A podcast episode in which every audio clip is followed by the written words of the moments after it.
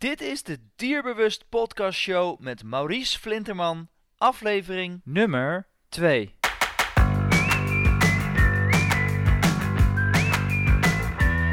Welkom bij de Dierbewust Podcast Show, waarin je luistert naar experts die je voorzien van de beste informatie, tips en tricks op het gebied van honden. Vandaag gaan we in gesprek met Astrid Verkel.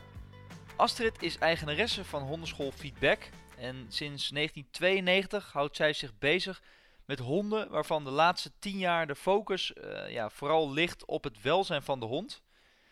Vroeger eh, was het natuurlijk eh, eenrichtingsverkeer en honden moesten gewoon luisteren naar de eigenaar. Maar gelukkig weten we nu inmiddels dat we ook moeten luisteren naar wat de hond ons te vertellen heeft. Want ja, op die manier ontstaat er een veel betere relatie tussen eigenaar en hond. En dat is natuurlijk wat we allemaal nastreven. Dus vandaag gaan we, gaan we met Astrid in gesprek. Welkom uh, Astrid, uh, superleuk dat je meewerkt aan de Dierbewust podcast. Ja, zeker. Ik hoop dat je er klaar voor bent. Ik ben er helemaal klaar dan voor. Gaan we, dan gaan we starten. Ehm, want vandaag gaan we het hebben over een veel voorkomend probleem bij hondenliefhebbers. En ja, veel mensen die, ik denk als je het internet afspeurt, staat het er helemaal vol mee. Uh, namelijk het trekken aan de lijn bij honden. En uh, je hebt natuurlijk een hondenschool, waarbij jullie uh, dit probleem waarschijnlijk veel voorbij zien komen. Ja, dat klopt. Um, ja, wat zie je in de praktijk nou het meest misgaan? Nou, het, sowieso staat het trekken aan de lijn denk ik wel in de, de top drie van problemen. Hè? Dus wat mensen aangeven. En uh, het is ook wat bovenaan hun lijstje staat als je vraagt van... Goh, wat verwacht je nou van je hond? Nou, in ieder geval dat hij niet meer trekt aan de lijn. Ja. Dus het is echt een uh, groot probleem. En ja, honden kunnen natuurlijk uh, om meerdere redenen aan de lijn trekken. En voor ons als hondenschool en gedragsdeskundige is het natuurlijk eerst zaak om uit te zoeken waarom. En ja, je ziet dan een aantal problemen waar hondeneigenaren tegenaan kunnen lopen. En ehm, ja, meestal denken mensen ook van ja, waarom stopt die hond daar nou eigenlijk niet mee? Want het moet voor de hond zelf eigenlijk ook een heel onaangenaam gevoel zijn. Ja, zeker als ze zo in die halsband uh, Ja, hangen. zeker met halsbanden. En, uh, maar sowieso ook als je beter materiaal gebruikt, zoals, uh, zoals een harnas of een, een, tuigje, dan, ook dan is het op lange termijn natuurlijk niet, niet prettig voor de hond. En eigenlijk denk, weet iedereen dat honden voornamelijk leren door het leggen van associaties. Ehm, en ons beeld van wat de hond leert is, uh, is vaak anders dan wat de hond werkelijk leert. Dus mensen reageren dan vaak op een verkeerde manier op het gedrag van hun hond. Yeah. En welke associatie de hond legt, dat weet je niet altijd precies. En dat is dan meteen een goede reden om, uh, om geen correcties te gebruiken. Ja. Zoals je een voorbeeld noemt, dus wanneer een pup gaat trekken en hij tegen een vreemd iemand opspringt, hè, dat willen de meeste eigenaren natuurlijk niet.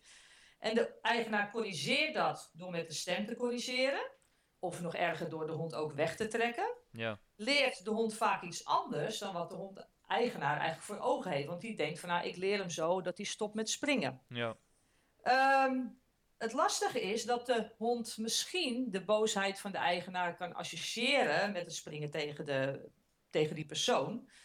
Uh, maar dan nog krijg je dat de pup dat niet begrijpt. Hij begrijpt jouw boosheid niet, uh, dus hij kan bang van je worden. Nou, dat is de eerste stap naar een verstoorde communicatie en uiteindelijk relatie die je dan met je hond gaat krijgen.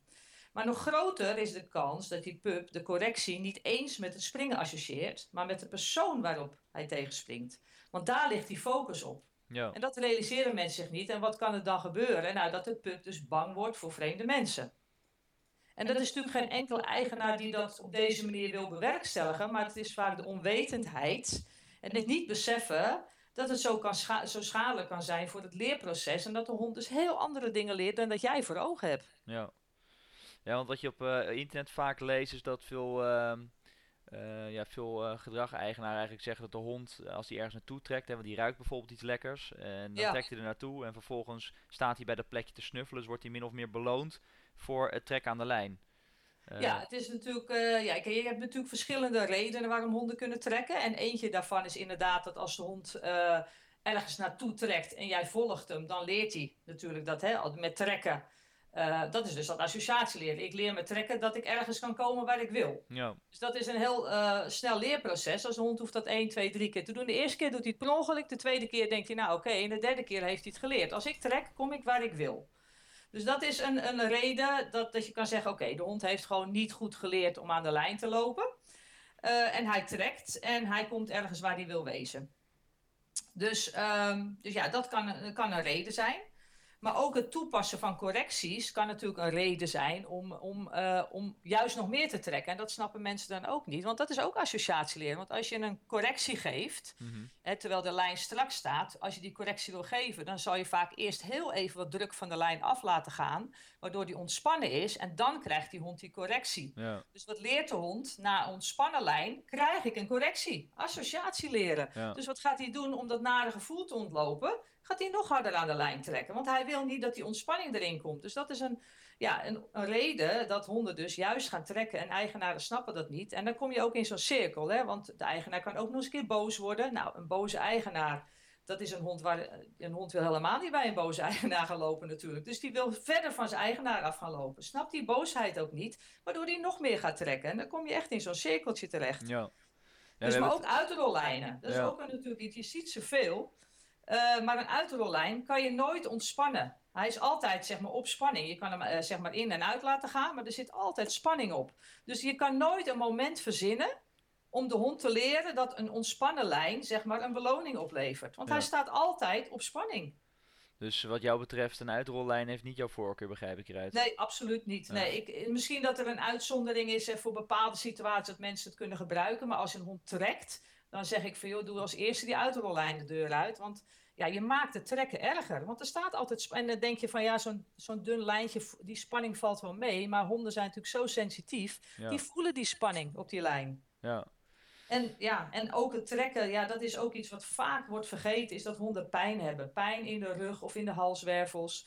Uh, en dan uit hun pijn willen lopen. Dat klinkt voor ons heel onlogisch, hè? want hè, je zou het dan denken, oké, maar als je trekt wordt je pijn toch erger. Maar dat is nou precies dat honden iets anders leren hè, dan wij. Ze kunnen niet altijd uh, nadenken over de consequenties van hun handeling. Ja. En, en pijn kan een motivatie zijn om, om weg te willen lopen uit de situatie. Ja, en je hebt het uh, met name net uh, over correcties gehad. jullie zijn een ja. hondenschool die met name op een positieve manier trainen. Ja. Um, want ja, wat je vaak als advies krijgt en wat je ook uh, op, op uh, online zeg maar leest, dat je een hond uh, als hij trekt, moet je hem zeg maar naar je toe halen en op het moment dat hij zeg maar uit de trek, uit de treksituatie komt, moet je hem zeg maar min of meer belonen. Het is wat lastig om dat te laten zien, omdat je natuurlijk via de audio het bespreekt, maar veel mensen zullen het herkennen, want op het moment dat de hond trekt, dan loop je de andere kant op, neem je hem mee en op die manier beloon je hem dan. Alleen mensen hebben dan het gevoel dat ze oneindig eigenlijk van links naar rechts aan het lopen zijn. En ja, dat klopt. En uh, dat is ook heel lastig, want uh, het, kijk, honden koppelen dingen natuurlijk ook aan elkaar vast. Dus op het moment dat jij zomaar ineens van richting verandert, ja, dan, dan sleur je hem automatisch met je mee. Dus dat is nooit een positieve ervaring voor de, voor de hond. Dat is mhm. onmogelijk. Ja. Um, en wat je dan eigenlijk doet, als dat zeg maar echt niet lukt, hè, als je zegt van ja, ik sta constant stil en ik loop constant een andere kant op, dan moet je eigenlijk tot de conclusie komen dat je de, de situatie waarin je oefent niet zo heel oké is. Dus je, je slaat te veel stappen over om, uh, om het tot een succes te laten komen. Dus er zijn te veel invloeden van buitenaf die hem dan ja. uh, negatief beïnvloeden, zeg maar. Ja, of stress van de hond. Hè? Dus uh, dat, dat zie je natuurlijk ook vaak. Hè? Het trekken aan de lijn hoeft niet altijd een probleem op zich te zijn. Het kan ook een, een uiting van een probleem zijn. En dan zie je vaak dat honden uh, door een bepaalde mate van stress, zeg maar, uit die stress willen lopen en dus weg willen lopen. Nou, als je dan als eigenaar dan elke drie seconden een andere richting op gaat, ja. ja. dan werkt dat eigenlijk veel meer frustrerend. En ik heb ook eigenlijk nog nooit iemand gehoord die zei van ja, dat was zo succesvol, daar ga ik echt mee door. Nee. Uh, het kan zijn dat je de hond uh, zeg maar breekt, hè, mentaal breekt. En dat hij op een gegeven moment een soort van shutdown is. En dan denkt, nou ja, ik loop me achter je aan. Ja, dat is uiteindelijk wat ook de meeste mensen niet willen. Hè? Want die, die wandeling die moet plezier voor jou zijn, maar ook voor de hond. En, en dat, dat beeld zie ik helaas uh, vaak niet op straat. Hè? Je ziet een gefrustreerde hond, die snapt niet wat je bedoelt. Een gefrustreerde eigenaar die ongepaste methodes gaat toepassen omdat hij het niet meer weet. Ja. Uh, en dat is niet altijd dat een eigenaar bewust hond pijn wil doen, maar ja, ze weten gewoon niet hoe het anders moet. En dan lijkt dit een quick fit, hè? bijvoorbeeld uh, ja, een harde correctie. Of, uh, want natuurlijk, de hond zal waarschijnlijk heel even stoppen met het, met het trekken misschien.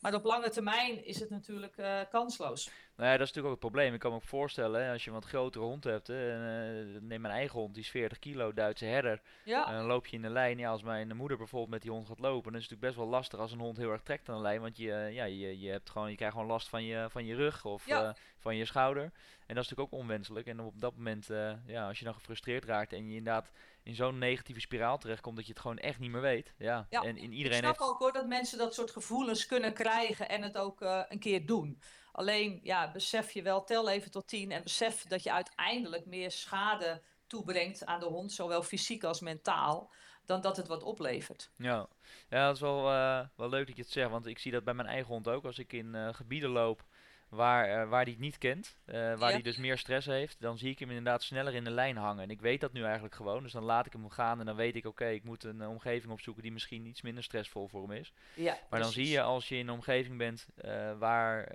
ja, de hond zich eigenlijk op zijn gemak voelt en waar je dus vaker komt, ja. Dan loopt hij gewoon echt prima netjes mee. Ja, dus wat belangrijk dus is, is dat mensen de stresssignalen gaan herkennen bij honden. En eh, dus als je ziet een kleine mate van stress, dan hoeft je niet meteen gillend uit de omgeving weg. Maar weet je, je be- besef je dat het begint met kleine signalen, meestal kalmerende signalen zoals we dat dan noemen. Dus dat zijn lichte stresssignalen, maar dat is nog niet zo heel heftig. Maar als je een hond hebt die dus eh, eh, gevoelig is eh, voor, voor spanningen en gauw onder de indruk is van situaties, dan is dat al een teken dat je denkt van ja, misschien moet ik nu niet meer te lang oefenen, misschien moet ik de sessie stoppen. Want eh, je kan niet in de, de wandelingen op zich die je doet, dus dat je echt dat je de hond uitlaat, is eigenlijk niet de oefensituatie. Daar kan je niet verwachten, want daar zijn zoveel onverwachte dingen die op je afkomen. Dat zijn niet de goede trainingssituaties. Dus als het buiten echt niet gaat, dan kun je eerst zeggen van oké, laat het even. Daar kan je op dat moment niet altijd wat aan veranderen. Maar ga je in andere settings, die we dus gaan opzoeken in een gecontroleerde situatie, op een veld bij ons zonder prikkels, daar ga je oefenen en zorg je dat de hond succesvol kan zijn. Ja. En eh, naast, want je geeft aan, stress is natuurlijk een eh, hele veel voorkomende factor. Ja. Wat, wat zijn er meer valkuilen die je ziet? Waardoor, eh, je gaf net al aan medisch, hè, dat de hond niet helemaal in orde kan zijn, waardoor die aan de hand daarvan Ja. Dat kan. verleid wordt trekken. Ehm, nou, de mensen leggen de lat hoog voor de hond. Ze willen te grote stappen maken in een omgeving waar de hond nooit aan, aan, aan je eisen kan voldoen. Weet je, hoe zou je het zelf vinden als mensen verwachtingen van je hebt die jij niet kunt waarmaken? Dat is Mhm. zo slecht voor je zelfvertrouwen. En, en ja, honden voelen dat soort druk ook. En dan, dan werkt het natuurlijk niet. En bijvoorbeeld voor jonge honden kan het echt een hele uitdaging zijn een bepaalde periode. Omdat ze zo explosief kunnen zijn. Pubers die denken überhaupt niet aan jou als eigenaar. Dat, ik bedoel, dat boeit ze niet. Dat is net als bij mensenpubers. Ja. Eh, en bij honden is dat vaak zo tussen de 12 en 18 maanden. Dat ze een beetje explosief kunnen reageren. En ook wel eens in de lucht kunnen hangen aan de lijn. Ja. Ja, weet je, daar hoef je niet te, te druk om te maken. Zorg dat je zeg maar eh, eh, je, je, je, je relatie met je hond goed blijft en oefen zeg maar in andere situaties. Ehm, en oefen van makkelijk naar een iets moeilijke situatie. Hè? En dat jij daar als eigenaar fouten maakt en je hond maakt daar fouten. th- That's life. Ja. Leer ervan en bedenk dat jij de enige bent die de situatie voor de hond kan aanpassen. Want die hond kiest daar allemaal niet voor dat jij naar dat drukke strand gaat. Hij kan het leuk vinden, maar als je hond zeg maar bepaalde dingen niet kan of je moet hem aangelijnd houden op het strand terwijl er eh, 50 andere honden lopen. Ja, dat is vragen om. too much. Ja. Ja, dat is too much voor sommige honden. Eh, een ander iets is ja, dat hond, mensen te lang trainen. Vaak met dit soort honden, als het extreem is, dan beginnen je sessies duren misschien 1, 2 minuten. En dan stop je. Je stopt op het moment dat het nog goed gaat. Ehm, en dat is wat mensen natuurlijk ook vaak doen, zeker met pups. En dan, ja, dan heb je allerlei kenmerken van, eh, van situaties waar het niet goed gaat. Ik weet niet of je die eh, ook nu meteen al wil horen. Want er zijn natuurlijk heel veel dingen waarin je, hè, misschien hebben mensen daarvan, als ik ze aangeef van, hé, hey, dat is dus een moment waar de training niet zoveel zin meer heeft. Hè, Eén daarvan is bijvoorbeeld in de lijn bijten. Ja. Als, je, als pups dat eh, doen, wij proberen dat altijd te voorkomen, zeg maar, bij pups. Maar soms gaat, eh bouwt een pup heel snel even stress op. Het is zo'n sterk teken van de pup van het is te veel voor me. Ik kan nu niet meer leren. Stop de training. Maar wat zeggen veel mensen? Ja, ik heb zo'n pittige pup. Hij hangt helemaal in de lijn. Hij gaat zo in verzet. Het heeft helemaal niks met ongehoorzaamheid te maken. Ja. Hetzelfde voor je voor- eh, bijten of in je kleding hangen. Het heeft vaak met de, de stresssituaties te, zijn, te maken. En bij de oudere hond, als oudere honden in lijnen gaan hangen, dan, dan is het vaak vanuit pijn. Dat Ja. realiseren. Dus ze willen letterlijk dat jij de wandeling stopt. Want even voor de, voor de beeldvorming. ehm, er zijn natuurlijk heel veel hondenscholen die ehm, zeg maar op een manier trainen hè, van eh, we gaan zitten, we gaan liggen. hij moet naast volgen, hij moet Ja. los kunnen volgen. jullie hanteren op jullie hondenschool een wat andere manier. ja, dat klopt. Ik denk een wat nieuwere manier. Je ziet dat steeds meer. Ja, we zijn er nog wel een beetje uh, anders in dan andere onderscholen. Mensen moeten ook altijd even wennen aan het idee. Maar als je het goed kan onderbouwen, dan vinden de meeste mensen het niet zo'n uh, heel moeilijk verhaal. Alleen ja, je moet het wel een keer horen natuurlijk. En als mensen het nooit horen, ja, dan ga je mee met de massa en met de methodes die we 30 jaar geleden ook deden. En uh, nou is niet altijd alles wat we vroeger deden slecht, maar in het geval van honden, als we zeker als we met het welzijn uh, te maken hebben van honden, is denk ik de meeste dingen die we 30 jaar geleden deden erg slecht voor honden. In ieder geval voor hun mentale gezondheid. Ja, want kun je even iets beter toelichten um, hoe jullie ja. aanpakken op jullie hondenschool? Ja, uh, uh, je bedoelt het lopen aan de lijn dan of in het algemeen zeg maar, uh, kijk zoals zitten en af wat je al zei, dat vinden wij dan daarachter, niet zo belangrijk. Ja.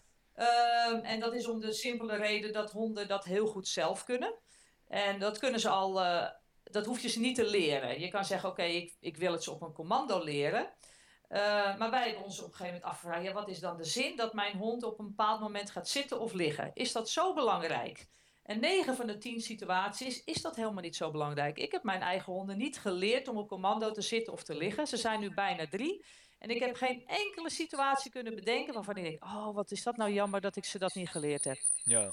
Want als ik rustig ga zitten, dan gaan mijn honden nou eenmaal liggen. En als ze een keer willen zitten in de tuin, dan gaan ze lekker zitten. Maar kun je je voorstellen dat hij op een training, er zijn wel eens mensen die geteld hebben hoeveel keer een hond het commando zit krijgt in een les van drie kwartier. Dat kan zo tot de 60, 80 keer oplopen. Nou, ga je zelf dat in een uur doen en dan eigenlijk op je hurk gaan zitten. Want zo zwaar voor een hond kan het zijn. Zeker met de grote rassen moet je ze tot anderhalf, twee jaar überhaupt niet leren op commando te gaan zitten. Het kan zo fysiek belastend zijn en pijn gaan doen bij honden. Dat realiseren mensen zich gewoon niet. En dat liggen ook, ja, weet je, als je zelf rustig bent, ja, dan, dan moet een hond wel heel gek zijn als hij dan een uur om je heen gaat springen. Als, zolang jij er rustig blijft, gaat een hond op een gegeven moment ook zich rustig gedragen. Ja, dus jullie trainen en met lopen op, aan de lijn is het dan zeker dat wij dus niet het volgen doen zoals je dat veel ziet. Ik snap dat mensen het spectaculair vinden als een hond naast je loopt en constant met zijn nek omhoog kijkt naar jou. Mm want dan voelen mensen zich enorm uh, geadoreerd. Nou, dat beeld willen wij al helemaal niet. Want een hond die naar jou kijkt, die zijn nek staat constant op spanning. Dus honden kunnen letterlijk uh, nekklachten krijgen. Een ander iets is dat de hond eigenlijk volledig afhankelijk van jou wordt. Want hij kijkt alleen maar naar jou of hij iets wel of niet goed doet. Ja, dus is en, uh, met zijn dus, omgeving bezig. Ja, ja, dus je leert hem eigenlijk uh, niet dingen zelf op te lossen. Bij ons mogen honden gewoon kijken in een wandeling. Natuurlijk, als je wat ziet wat je spannend vindt, staat je hond even stil en dan gaat op een afstand kijken. Dat mag allemaal. En op het moment dat hij er klaar voor is, wandelen we weer rustig verder. En dan vinden wij het zeker belangrijk dat de hond aan een ontspannen lijn meeloopt. Hè? En dat is ook zeker ons doel. Uh, maar hij hoeft niet constant naar jou te kijken. Ah ja, bovendien, als je een hindernisje wil lopen of zo, wat heel goed is voor het bewegingsapparaat voor honden, als je dat rustig doet. Ik bedoel, als hij dan naar jou gaat zitten kijken, dan struikelt hij overal over. Ja, dus het initiatief leg je eigenlijk meer bij de hond neer. Um, ja, en we helpen hem daar waar nodig. Ja, want je ziet natuurlijk op televisie en Sisi Milan bijvoorbeeld, nou, daar is sowieso heel veel discussie over. En die geeft eigenlijk aan, dat is een beetje de, de oude manier van denken, als ik het hè, in jullie ja. uh, bewoording uh, benoem. Uh, als de, zodra de hond voor je uitloopt, of iets, zeg maar een halve meter voor je loopt, ja, dan is hij ja. eigenlijk min of meer een soort dominant, of neemt hij de leiding, waardoor je niet meer de, de roedelleider bent. En ja. Ja, dat, dat zijn inderdaad hele oude ideeën die natuurlijk al lang ontkracht zijn. En uh, waar sommige mensen heel erg aan vasthouden. Want ja, dat geeft hun een, een, een handvat. Hè? Dus hun vinden het prettig als een hond constant onder controle staat. En ja, ik ben een beetje uh, allergisch voor dat woord. Uh, een hond constant onder controle. Want dat is geen hondenleven. Als je dat bij kinderen doet, wordt het volgens mij criminelen. Dus weet je, je moet ze uiteindelijk, hè, je puppy moet je zeker opvoeden. Het is echt niet zo dat we de boel de boel maar laten. Honden moet je opvoeden. Uh, maar dat kan met, een hele, uh, met heel veel harmonie. En mm. dat hoeft niet vanuit een corrigerende rol. Alleen, ja, wat wij doen kost vaak iets meer tijd. Ja. Want uh, als je dus niet op een hondenschool, zeg maar, de zitten, de afoefening en de volgoefening gaat doen, hoe, hoe, doen jullie dat dan? Want jullie leren dus met name ook dat niet trekken aan de lijn aan, of hoe moet ik dat zien? Ja, nou wij leren inderdaad, als je, daar kunnen we straks misschien even opkomen met de punten, zeg maar, die wij, de stappen die wij nemen bij, bij het lopen aan de lijn. Hè. Dat is wel, ik kan in een aantal korte stappen kan ik dat aangeven en dan kunnen mensen dat ook rustig thuis gaan oefenen. Ehm, maar wij doen zeker dus het lopen aan een slappe lijn. Maar we houden het zeker bij pupjes heel kort. Want ze zitten zo snel vol. Een puppyles duurt eigenlijk ook maar 20 minuutjes. En dan heb je uh, dat ze een beetje moe worden. Nou, dan maak je gebruik van door bijvoorbeeld even binnen te gaan zitten. Wij hebben dan een binnenlocatie. Mm Moet je ook niet te veel pups in je groep hebben. Wij hebben zeg maar één trainer, twee pups. Of vier pups, twee trainers. Dus je zorgt voor heel veel individuele aandacht. Dus je kan meteen mensen uitleggen waar iets fout gaat. Als je er acht in een groep hebt lopen, dan gebeurt er in mijn beleving te veel waar je geen, uh, wat je niet eens ziet als trainer. Dat is onmogelijk.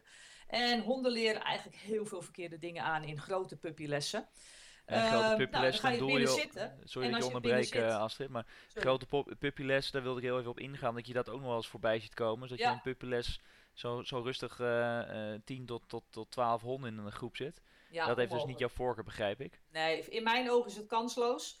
Want wat leren die meeste pups? Ik doe zo gek mogelijk. Want hoe kan je nou concentreren als er elf andere pups om je heen lopen? Dat is voor een pup de lat te hoog leggen. Dat bedoel ik dus met situaties opzoeken waar, wat gedoemd is om te mislukken. Ja. En de pups kunnen daar serieus verkeerde dingen leren. Zeker als, als de training aan het eind eh, de alle honden nog eens een keer losgooien. Dan zijn ze allemaal moe, allemaal overprikkeld. En dan is er altijd wel een pup die doelwit is. En dan krijg je dat meutengedrag dat de vier andere pups en één pup gaan belagen. En ja, en dat kan zo slecht zijn voor de ontwikkeling van pups. Ja, je, weet je, pups uh, moet je zoveel, moet je echt verantwoordelijk mee omgaan. Want uh, ze kunnen in een paar sessies kan je het leven van een pup op een uh, verschrikkelijke manier verpesten. Ja, precies. Dus dat, dat proberen jullie in ieder geval op die manier te voorkomen. Nee. Ja, en dan wat wij dan vooral doen is bijvoorbeeld met pupjes, en, maar ook met andere honden kan je dat doen, is dat je dan uiteindelijk binnen gaat zitten. En dan kunnen mensen vragen stellen, want mensen hebben natuurlijk heel veel vragen, met name puppen-eigenaren. En op het moment dat jij dan zit en de pups zijn moe, maar niet overprikkeld. Nou, wat we wel eens doen in het begin, dat we ze een koukluifje geven. Nou, dat vinden de meeste pups wel, wel prettig. En dan gaan ze uh, uh, zitten en liggen. En dat doen ze dan automatisch. Maar er wordt dus geen input gegeven vanuit de eigenaar. Dus geen commando's. Nee, we leren gewoon als, als eigenaar zit, dan ben jij rustig. Dan krijgt hij geen aandacht. Dat is ook zo'n valkuil. Want natuurlijk zijn de pups bij ons de eerste les wel eens eventjes druk of ze willen per se naar die andere pup toe. En wat willen de meeste mensen dan? De hond eigenlijk gaan vertellen dat hij dat niet mag doen. En dan zeg ik altijd, doe maar niet. Want aandacht geven aan onrustig gedrag, in wat voor vorm dan ook, positief of negatief, maakt dat je hond ermee doorgaat. Ja. Weet je, mensen kunnen zich zo snel storen aan een blafje van een hond. Terwijl ik dan zeg van nou, kijk nou hoe lang die druk is. Het is misschien 30 seconden. Ja, Laat hem lekker gaan. Het is een pup. Blijf zelf rustig. Geef het goede voorbeeld. Want dat is natuurlijk het belangrijkste. Je hebt een voorbeeldfunctie voor pups. Zelf rustig blijven is niet altijd makkelijk. Geef ik ook toe. Maar uh, zeg niks, geef geen aandacht aan onrustig gedrag. En dan zie je dat alle pups eigenlijk vanaf de derde les mm -hmm. denken: oké, we gaan naar binnen. Daar is rust in de tent. En de vijfde les hebben ze niet per se meer iets nodig om te kauwen. Ze weten gewoon, oké, wij zitten hier, de eigenaar zit hier, er is rust in de tent. Ik heb even geen interactie met die andere pup. Dat zijn goede gewoontes aanleren. En je voorkomt zeg maar dat de pup iets doet wat je niet wil. En want als een hond iets doet wat je niet wil, kan je hem eigenlijk niet leren dat je dat niet mag doen, want hij doet het al. Ja, precies. en dat is zo'n, uh, zo'n hond die springt, kan je niet leren om niet te springen op zo'n moment, want hij springt al. Ja, want uh, je, je geeft aan nou pups, hè, maar je hebt natuurlijk ook uh, best wel wat, uh, wat oudere honden die natuurlijk ja. al wat volwassener zijn en waar het kwaad dan al meer geschied is. Hè, want het, ja. heeft zichzelf in ieder geval meer aangeleerd. Ja. Um, nou, daar heb je de valkuilen net van besproken, de ja. grootste valkuil in ieder geval. Je ziet dan wel dat steeds meer mensen ook gebruik gaan maken van hulpmiddelen. En dan heb ik het over bijvoorbeeld een halti, zo'n zo'n snuitje om zijn snoer heen, om zeg maar maar niet te laten trekken, omdat het dan de ge het gewicht in ieder geval uit de lijn uh, gaat. Ja. Je ziet ook nog wel anti-trektuigen. Ja. Wat zijn wat jou betreft... Inderdaad, ja. Sorry?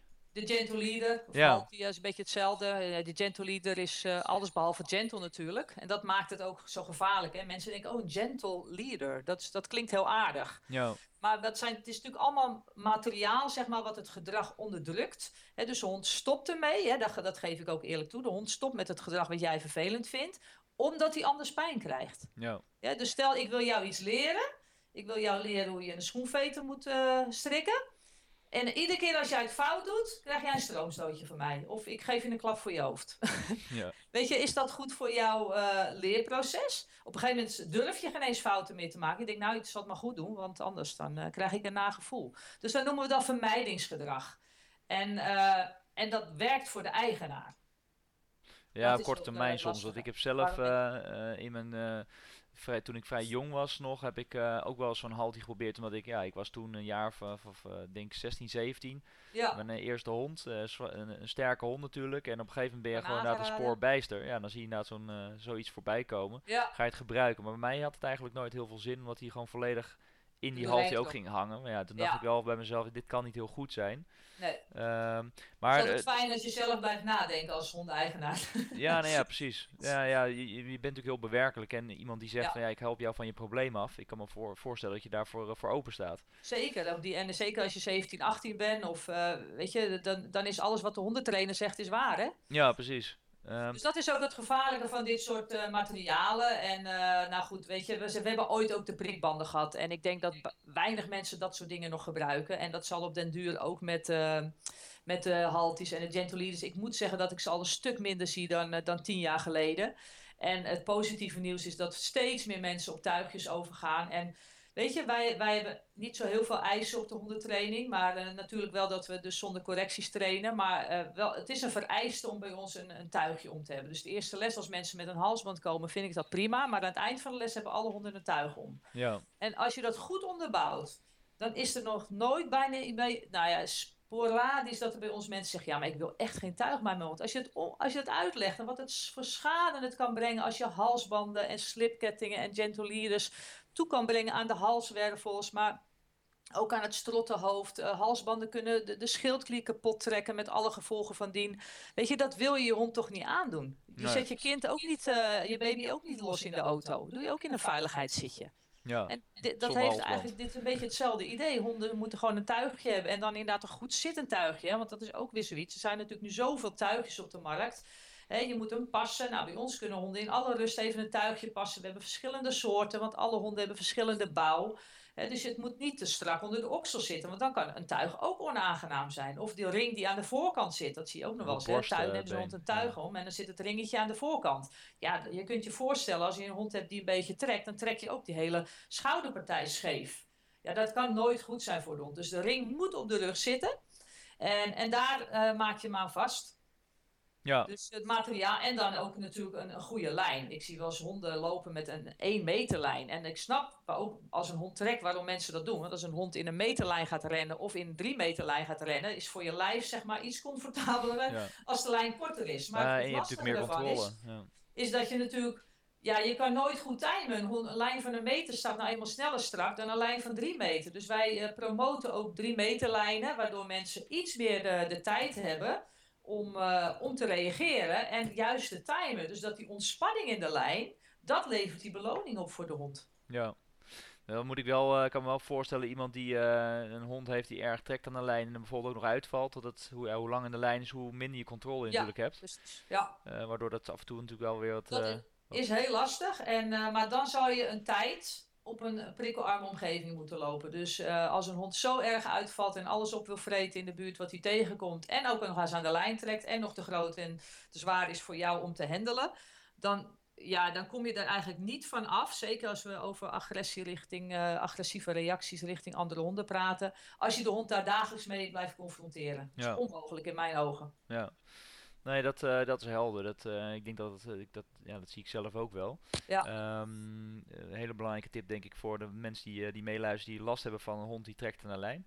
Ja. Um, en als we puur gaan naar, hè, want je, je gaat dan op zo'n hondentraining, ga jij uh, de basis uitleggen van uh, ja, hoe je zeg maar voorkomt dat je hond gaat trekken aan de lijn. Ja. Um, zeg maar meer richting uh, de aantal praktische tips die hondenliefhebbers kunnen gebruiken om het trekken aan de lijn te voorkomen of in ieder geval te verbeteren. Ja. Kun je nou, daar iets meer over ja, in principe of je nou een pup hebt of een volwassen hond, het, het basisprincipe van het aanleren van ontspannen lijn is over, is over het algemeen hetzelfde. Je zit alleen met de concentratie boven een pup die natuurlijk veel korter is dan een hond eh, die wat ouder is. Ja. Um, Belangrijk is natuurlijk dat je ook afvraagt waarom. Hè? Dus als je zegt van uh, we weten dat hij het gewoon niet geleerd hebt, uh, dan kun je natuurlijk gewoon je stappenplan doen. Vaak is het een extra advies ook erbij dat we de, de stress gaan reduceren. Dus je kijkt wat verder in het hele dagelijks leven van de hond. Nou, als we dat allemaal gedaan hebben, zeg maar, hè, we, zijn, we hebben de stress gereduceerd, of, uh, dan, dan zie je vaak sowieso dat de trekken iets minder wordt, omdat de hond zich wat relaxter voelt.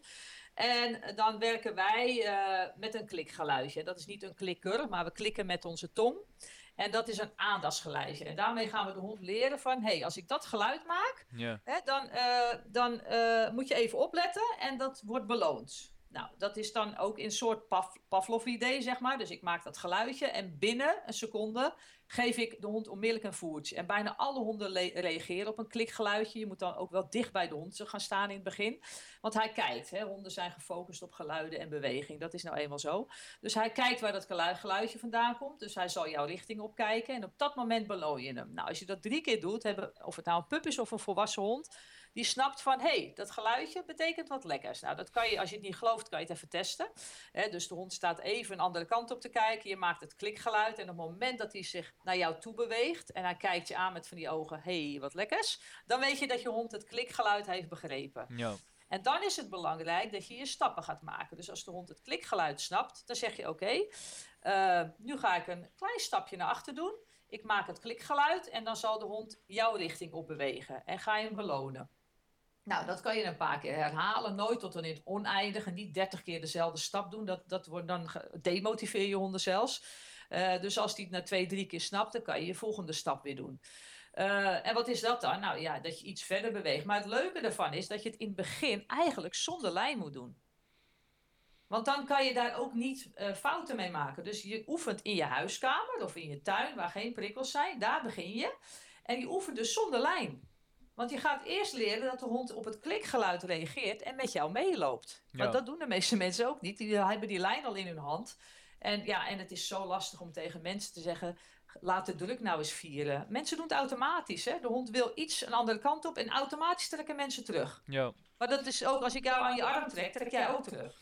Ja. Dus, dus, dus het belangrijk is dat als het echt heel erg is, dat je ook gewoon, zeker met pups werkt dat heel goed, gewoon zonder lijn in het begin gaan oefenen. Eerst een paar stappen, geen lijn eraan, alleen maar leren. Klikgeluidje is met mij meelopen. Nou, dat kan je dan in hele kleine stappen wat moeilijker maken. Dus, dus zorgen dat de hond een paar meter met jou meeloopt. Uh, je gaat van richting veranderen. Telkens als je een andere richting op gaat, of je wilt dat de hond bijvoorbeeld niet naar die persoon toe gaat, klik je en je beloont hem voor het meelopen. Ja, en op het moment dat hij het niet doet?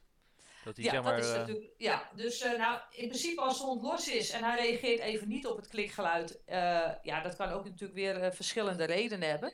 Ehm, maar dat is op zich nog niet eens zo heel erg als de hond even niet reageert. Weet je, dat, dat is niet meteen. Hij krijgt dan ook zijn voertje niet. Dus je wacht dan gewoon even. Uh, dus je timing van klikken is wel belangrijk. Als een hond bijvoorbeeld heel intensief staat te snuffelen, hè, wat jij net ook al aangaf, hè, dan, ja, dan staat zijn. Uh, weet je, honden, het belangrijkste komt binnen, zeg maar, via hun zintuigen. Dus als hij een lekker luchtje ruikt, dan komt dat binnen en dan komt dat klikgeluid van de eigenaar komt niet eens binnen. Ja, ja wel zijn gehoor, gehooringang in, maar zijn hersens doen er niks mee, want hij staat op kanaal neus. Ja. Dus dan wacht je heel even totdat hè, de, de sterkste interesse weer weg is en dan kan je klikken. Um, dus, dus je moet wel goed kijken naar de hond van waar, waar ligt zijn motivatie. Als hij even met wat anders bezig is, dan klik je gewoon niet. Dus, maar je zorgt in het begin dat de hond constant succesvol is. En als je in een prikkelarme omgeving werkt, ben je altijd succesvol als je dat één of twee minuutjes doet. Ja. Alleen mensen gaan door. En net zolang tot fout gaat en dan zeg je, ja, nou doet hij het niet meer. Weet je? Ja, dus het stopmoment is zo belangrijk. Um, en dan, ja, goed, je kunt het uitbouwen. En we weten dan ook, uh, Tulit Rugaas, uh, die heeft zeg maar uh, dit principe bedacht. En dat is wat wij ook zeg maar nastreven op deze manier. Maar je loopt natuurlijk altijd tegen dingen aan. maar zij kwam er dus wel achter, want zij heeft daar zeg maar iets van 30 honden of zo voor gebruikt. En die heeft ze gevolgd. En volgens dit principe zeg maar geleerd om het trekken aan de lijn te laten stoppen. Mhm. -hmm. zij zegt ook van, nou oké, okay, na het klikgeluid komt dat voertje. Maar toen bleek dat na 14 dagen bleek dat de honden weer meer gingen trekken. En dat kwam omdat ze constant beloond werden met een voertje achter Ja. elkaar. En dan schijnt de motivatie van een hond af te nemen. Dus je moet na een aantal stappen moet je gaan intervalbeloning. En dan schijn je dus de motivatie het hoogste houden. Oké. Dat is belangrijk. En hoe vaak je moet intervallen, ja, ik vind dat altijd heel individueel. Ik heb Duitse herders gehad en die kon je bij wijze van spreken één keer in de week of één keer in de maand nog eens een keer belonen met een klikgeluid en vonden ze het prima. Ik heb nu een hondje, ja, dan moet je wat vaker met je beloning nog komen. Omdat hij, ja, anders raakt hij toch wat eerder gefrustreerd als hij het niet krijgt. Dus dat is wel eh, iets, een individueel dingetje. Maar je kan eigenlijk, voor de meeste honden geldt dat je nooit helemaal kan stoppen met belonen. Nee, dus beloning eh, blijft een belangrijk iets. En beloning Blijft een belangrijk iets, ja. over het algemeen met een voertje dus, hè? Dus niet met, een, Ja. met, met iets anders, een Ja. speeltje of... dus- eh, Ja, precies. Er zijn altijd situaties dat de hond wel even de lijn strak komt te staan. Nou, wat is altijd het belangrijkste wat je zegt tegen mensen? Blijf stilstaan en loop niet mee. Ehm, en dan doen wij dus niet dat inderdaad omdraaien en weglopen. Nee, wat wij wel doen, want als jij zeg maar stilstaat en de hond loopt voor je uit en de lijn staat strak en je blijft in de richting van de hond kijken, en de hond kijkt een keer achterom en denkt, nou, het gaat allemaal best. Die denkt ook letterlijk dat jij zijn kant op wil. Dus hij heeft totaal geen motivatie om zich om te draaien. Dus wat je dan doet, is wij zeggen altijd, oké, draai jezelf een kwartslag om. En maak kleine stapbewegingen op de plaats. En dat is belangrijk, want je kan niet echt gaan lopen, want dan zou je je hond meesleuren. Ja. Dus als jij je omdraait, en honden hebben de gave dat ze iets achter zich kunnen kijken, wij niet, honden wel. Uh, dat heeft met de stand van hun ogen te maken. Dus ze kunnen, als jij achter ze staat, zien ze als jij gaat bewegen. Dus als jij je schouders beweegt en net doet of jij zeg maar naar rechts wil bewegen, uh, maak er stapbewegingen. En omdat je dan iets van beweging maakt, trigger dat sowieso iets in honden. En dat is het fijne van honden. Ze reageren altijd op beweging. Uh, ik heb nog nooit een hond gezien die dan per se minutenlang in zijn richting wil blijven lopen. Er is altijd een moment dat hij zich omdraait en naar jou toe wil bewegen. En dan is die lijn weer slap. Dan kun je klikken. Dan kun je doorlopen. Je kan er nog met je stem prijzen en de beloning geven. Ja. En dat werkt veel beter en veel minder frustrerend dan natuurlijk de hond even wegtrekken aan de lijn en zeggen: nu moet je weer verder lopen. Want dan krijg je. Uh, ja, ik zeg het altijd zo van als je hond eerst iets vervelends voelt en dan weer beloont, dan word je zo onvoorspelbaar voor je hond. Hè? Dus de ene keer doe ik heel aardig tegen jou en dan in ene word ik heel boos. Dan doe ik weer heel aardig tegen je en dan word ik weer heel boos. Weet je, dat, dat kan nooit een, een positief uh, leerklimaat zijn voor een hond. Nee, precies. En, en, en waar je dan nog meer uh, natuurlijk mee te maken hebt, want je hebt natuurlijk honden die wat ouder zijn. En ja. uh, bijvoorbeeld een kat over straat zien rennen. Uh, ja, dat zijn natuurlijk situaties waar de hond heel erg gefocust en getriggerd is ja. door een externe prikkel. Ja. Ehm, honden die op straat inderdaad vrij gestrest rondlopen en dus daardoor al in de lijn hangen. Ehm, ja, het moment van het probleem is dan nooit het moment om het op te lossen. Nee, precies. Dus dan is het gewoon je hond tegenhouden en wachten tot de sterke prikkel weg is. En uh, sommige honden zijn heel fel op katten en wordt het heel lastig om ze daarmee om te leren gaan, omdat je moeilijk katten in kan zetten om mee te trainen. Is het richting honden, dan is het wat makkelijker, want je kan rustige honden inzetten tegenover uh, reactieve honden. Dus, maar kat kan je moeilijk, je kan moeilijk een kat uh, ergens gaan misbruiken, want dat wordt het dan, hè? Ja.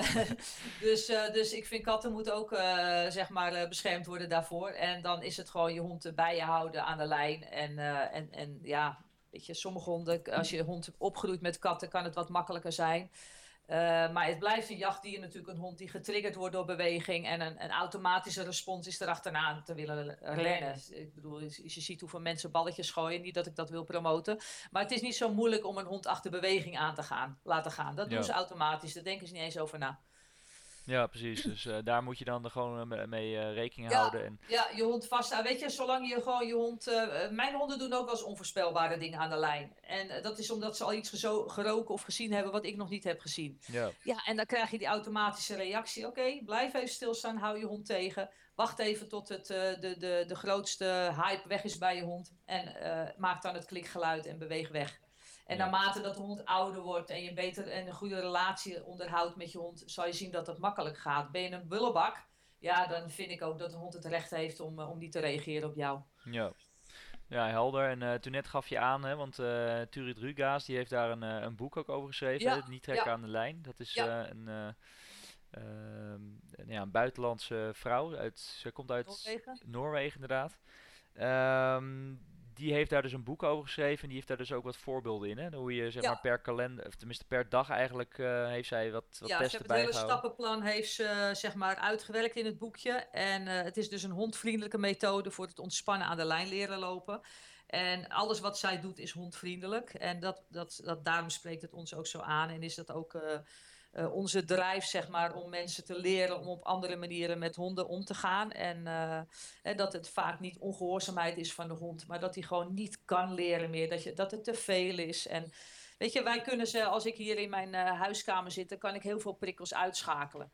En honden kunnen dat gewoon veel minder goed. Dus alle prikkels komen veel meer en intenser op hun, binnen bij hun. Waardoor het soms gewoon ja. moeilijker is voor honden om in een bepaalde situatie geconcentreerd te blijven of iets goeds te leren. En, uh, dus het is bijna nooit ongehoorzaamheid van de hond. Het is vaak uh, ons, uh, onze fout dat we de hond in de verkeerde situatie plaatsen, niet in een goed leerkla leer leerklimaat zetten, ja, waardoor het mislukt. En dat is gewoon jammer, want dat hoeft niet. Nee, precies. Dus daar is wel veel te leren. En dat is dus enerzijds de, de kalmerende signalen beter tot je tot je nemen en dat beter herkennen eigenlijk? Ja, dat sowieso. Dat is de basis altijd, zeg ik altijd, voor de hondeneigenaren. Van, hè, als je sommige mensen vragen als van, joh, wil ik een, uh, mag ik een, uh, een, een, goed boek? Wat is nou een goed boek? Nou, ik vind dat altijd uh, de basis, zeg maar. oh, dan gaat mijn telefoon, hoor je dat? maar dat is mijn huistelefoon. Ja, dat maakt niet uit. Dat, Oké. Okay. Um, uh, de basis is zeg maar dat je inderdaad uh, gewoon de normale, uh, normale communicatie tussen honden onderling, maar ook hoe ze naar ons communiceren, is dat je die tot je neemt. Want als je dat al niet snapt, ja, hoe kan je dan je hond helpen? Ja, precies. Dus daar, daar ligt wel iets van een basis en dat is dus wel handig om dat ja, in samenwerking met een iemand te doen die daar uh, in ieder geval uh, voor getraind ja, heeft. Want... Gelukkig zijn er wel heel veel hondenscholen tegenwoordig die uh, het begrip kan meer de signalen herkennen. Um, en, uh, en daar ook uh, rekening mee houden. En uh, nou, ja, ze zeggen ze wel van ja, we trainen positief. Hè. Dat vind ik altijd een beetje een moeilijk woord. Want positieve hondenscholen zijn lang niet altijd even positief. Het is, vaak voor de eigenaar positief. En het is vaak te simpel, wordt het uitgelegd. Zo van oké, we belonen gewenst gedrag en we, en we negeren ongewenst gedrag. Dat is wat positieve hondenscholen zeg maar pretenderen te zijn. Ja. Uh, maar ja, negatief gedrag uh, negeren werkt niet altijd in die zin dat het gedrag stopt. Dat kan in sommige gevallen. Maar als jij gaat negeren dat je hond uh, de koekjes van tafel eet, dan wens ik je veel succes met negeren. Als jij je hond die achter een paard aanjaagt of achter fietsers en joggers aanrent gaat negeren, heel veel succes met negeren, maar je hond wordt er steeds beter in. Dus weet je, dat is dat lijkt heel, klinkt heel leuk, maar daarom heb ik ook expres niet op mijn website gezet dat ik een positieve hondenschool ben. Want ik vind dat woord, vind ik, uh, namelijk te makkelijk gebruikt. En, en zo simpel is het niet altijd. Ja, helder. En um, Astrid, um, uh, afsluitend um, vind ik dat wel leuk om uh, ja, jou, uh, want jij bent natuurlijk al een hele tijd trainster, ja. bent er dag en nacht mee bezig. Ja. Wat is nou jouw belangrijkste levensles of inzicht die jij hebt geleerd tijdens het begeleiden van, van honden en hondenliefhebbers? Ja. die, jij, nou ja, die jij hebt geleerd die je graag zou willen overdragen? Nou ja, mensen denken eigenlijk altijd dat je alles er maar eruit kan trainen bij een hond. Uh, maar je moet natuurlijk wel eerst weten waarom een hond bepaald uh, gedrag uh, vertoont. Dus als we het over trek aan de lijn is het echt het probleem of een uiting van het probleem. vaak kijken wij ook echt naar het stressniveau van de hond, dus dat is heel belangrijk. Dus de oorzaken van stress eerst wegnemen. Um, ja, ik probeer mensen ook duidelijk te maken dat ze zich niet altijd meteen op het einddoel moeten focussen. Dus als je wandelen zonder trekken in je hoofd hebt, ga niet altijd op dat einddoel focussen. Zorg voor veel meer harmonie. Dat is eigenlijk de sleutel tot succes. En als je disharmonie hebt, hè, dus als je meer uh, vanuit een provocerende, corrigerende rol gaat optreden, dat leidt tot negatieve gedachten en emoties die het welzijn eigenlijk verminderen van je hond. En, uh, en dat is toch wel wat wij uh, constant in de gaten houden. Hoe is het met het welzijn van de hond? Ik vind de eigenaar die eraan hangt ook zeker belangrijk. Hoor. Het is echt niet dat wij uh, zeggen, oké, okay, de hond is alles en de mens is niks. Maar wij proberen juist die combinatie, zeg maar, optimaal te laten functioneren. Ja, helder. Ja, dat is, dat is belangrijk. En, ja een groot, veel inzicht in ieder geval voor mensen die misschien op een hele andere manier bezig zijn. Ja, um, dat geloof ja, ik. Soms is het ook even slikken hoor. En mensen moeten er ook even aan wennen. En, en het, het lastige is ook als wij met ons verhaal komen. En uh, dat het soms haak staat op wat ze eigenlijk altijd geleerd en gedacht hebben. En ja, die tijd moet je mensen natuurlijk ook gunnen. Hè? Ik heb er zelf ook heel lang over gedaan. De, de, waar ik ooit vroeger begonnen ben met mijn eigen hond en later als trainer, was het bijvoorbeeld bij pupjes. Uh, nou, die werden eerst een beetje hysterisch gemaakt met spel. En dan moesten ze volgen aan de lijn. En dat was altijd met heel veel hoge tonen, veel gegil en ge nou ja, weet je, een soort van blijheid richting je pup. Nou, ze waren natuurlijk allemaal hysterisch. Er was er geen één die normaal aan de lijn liep. Achteraf begrijp ik natuurlijk maar waarom, maar toen op dat moment had ik dat inzicht ook nog niet. Uh, maar toen ik dus op een andere manier naar honden ging kijken en dat dus ook ging toepassen op mijn eigen hond, weet je hoe lang het voor mij geduurd heeft om dat, dat die hoge tonen uit mijn, uit mijn stem te gaan halen? Ik denk dat het mij ook bijna een jaar heeft gekost om zeg maar op een andere manier met honden om te gaan. Want dat zit in mij, zat in je systeem, je hebt het altijd zo gedaan, ga maar eens een gewoonte doorbreken. Ja. Dat is wel lastig voor mensen. En ik denk dat wij altijd ook zeker dat begrip richting mensen uh, hebben. Ook al doen mensen, zeggen ook wel soms eerlijk tegen mij: Ja, ik heb mijn hond echt een. Uh, ik ben echt heel boos geworden op mijn hond van de week. En dan zeg ik van ja, je weet dat je het niet moet doen, maar ik snap het wel. Tuurlijk snap ik het. Ik wil dat je het niet meer gaat doen, maar ik snap wel dat je het doet. Ja, ja het is dan. En dat is, uh, dat is denk ik ook onze kracht. Hè? Dat wij, we willen natuurlijk, we gaan heel ver in het hondenwelzijn, maar hè, er hangt ook een eigenaar aan die ook zijn emoties heeft. Ja, precies. En ja, dat is dat is het, uh, het, het, begeleiden van het hele traject is natuurlijk uh, heel, heel, belangrijk. Ja. Nou, super uh, Astrid dat je in ieder geval uh, zoveel hebt willen vertellen en willen delen met, met ons. Um, tot ja, slot, um, wij zijn altijd, of proberen altijd aan het einde van de podcastshow iets waardevol, speciaals voor onze dierbewustleden aan te bieden via jou. Ja. Heb, heb jij nog iets moois in petto? Nou, in het najaar uh, hebben wij weer ruimte, denk ik, voor, uh, voor allerlei cursussen. En uh, mensen kunnen dat op de website vinden. Maar ehm, ja, en ik denk dat het leuk is als je via ons aanmeldt. naar aanleiding van dit gesprek, dat je 5 euro korting kunt krijgen op een, op een leuke cursus bij ons. Wat voor, wat voor cursus dan ook. Het mag ook een lezing zijn, maakt ons niet uit. Um, dus dat kunnen we jullie aanbieden. Via, via de dierbewuste uh, lid. Ja. Hartstikke leuk. Um, en daarnaast, uh, waar ik nog even op wilde inzoomen, want um, ik heb daar al even op Facebook wat over gezegd. Uh, je hebt ook een, een, een, lezing, zeker voor de luisteraars wel leuk, over, moet je me even helpen, sensitiviteit bij honden. Ja, hoogsensitiviteit. Ja, hoogsensitiviteit, ja dat is dat is iets wat we in de, in de mensenwereld al wel een aantal jaren horen. Hè? Dus mensen die wat, uh, ik vind het woord overgevoelig niet het juiste woord. Hè? Ze zijn meer gevoelig, hun zintuigen staan wat vaker op, eh, op scherp. Uh, waardoor uh, ja, prikkels heftiger binnen kunnen komen. En dat kan bij kinderen tot, soms tot probleemgedrag leiden. Maar we weten ook dat, de, de, dat dieren dat ook kunnen hebben. En, uh, en het lastige is te kijken als jij als hoogsensitief persoon in een situatie zit de, die je niet kan handelen, dan, dan ben jij vrij om op te staan en zeggen ik ga weg uit deze situatie. Niet dat iedereen dat doet, maar in principe heb je die vrijheid. Uh, bij honden is dat wat moeilijker. Dus als je een hoogsensitief hondje op de training hebt en de les duurt nou eenmaal 45 minuten en jij vindt dat je die 45 minuten vol moet maken, kan echt far too much zijn voor, voor dat soort honden. Dus wat gaan ze dan doen? Of ze worden hysterisch, of ze, gaan, ze zijn shutdown. Ze doen niks meer. En dan denken mensen, goh, hij is lekker rustig. Uh, beide gevallen is niet goed. Dus dat soort honden moet je eigenlijk beschermen tegen te veel prikkels. Het is niet dat je alles moet ontlopen, maar je moet het veel meer gedoseerd aanbieden. Dus ze zijn snel worden snel overweldigd, zeg maar, door prikkels van buitenaf. En, uh, en er is een uh, Zwitserse dierenarts, die heeft daar uh, onderzoek naar gedaan. En die heeft ook de persoonlijkheden van honden bestudeerd. En die wil ons tijdens dat seminar, zeg maar, daar uitleg over geven. Dus als je zelf meent een hoogsensitief hondje te hebben. of mensen kent, of je bent een trainer en je wil daar meer van afweten. Omdat je toch iets anders met dat soort honden om moet gaan. dan is dat seminar 12 juni ontzettend leuk, denk om mee te maken. Ja, 12 juni. De locatie is uh, bij jou, hè? In Nieuw-Vennep. Nieuw ja. ja. Uh, en de kosten daarvoor zijn 100 euro. 100 euro, ja, ja, inclusief lunch en, en koffie, thee. Oké, okay, nou wel interessant denk ik voor de mensen die dat leuk vinden om, om te volgen. Ja. ik wil jou in ieder geval hartstikke bedanken. En nou ja, we zullen je ongetwijfeld later op een later tijdstip nog een keer uitnodigen om wat meer ook over andere onderwerpen te vertellen. Ja, hartstikke leuk. Ehm, in ieder geval bedankt voor je tijd. Ja, graag Tot gedaan. Oké, okay, okay. Astrid.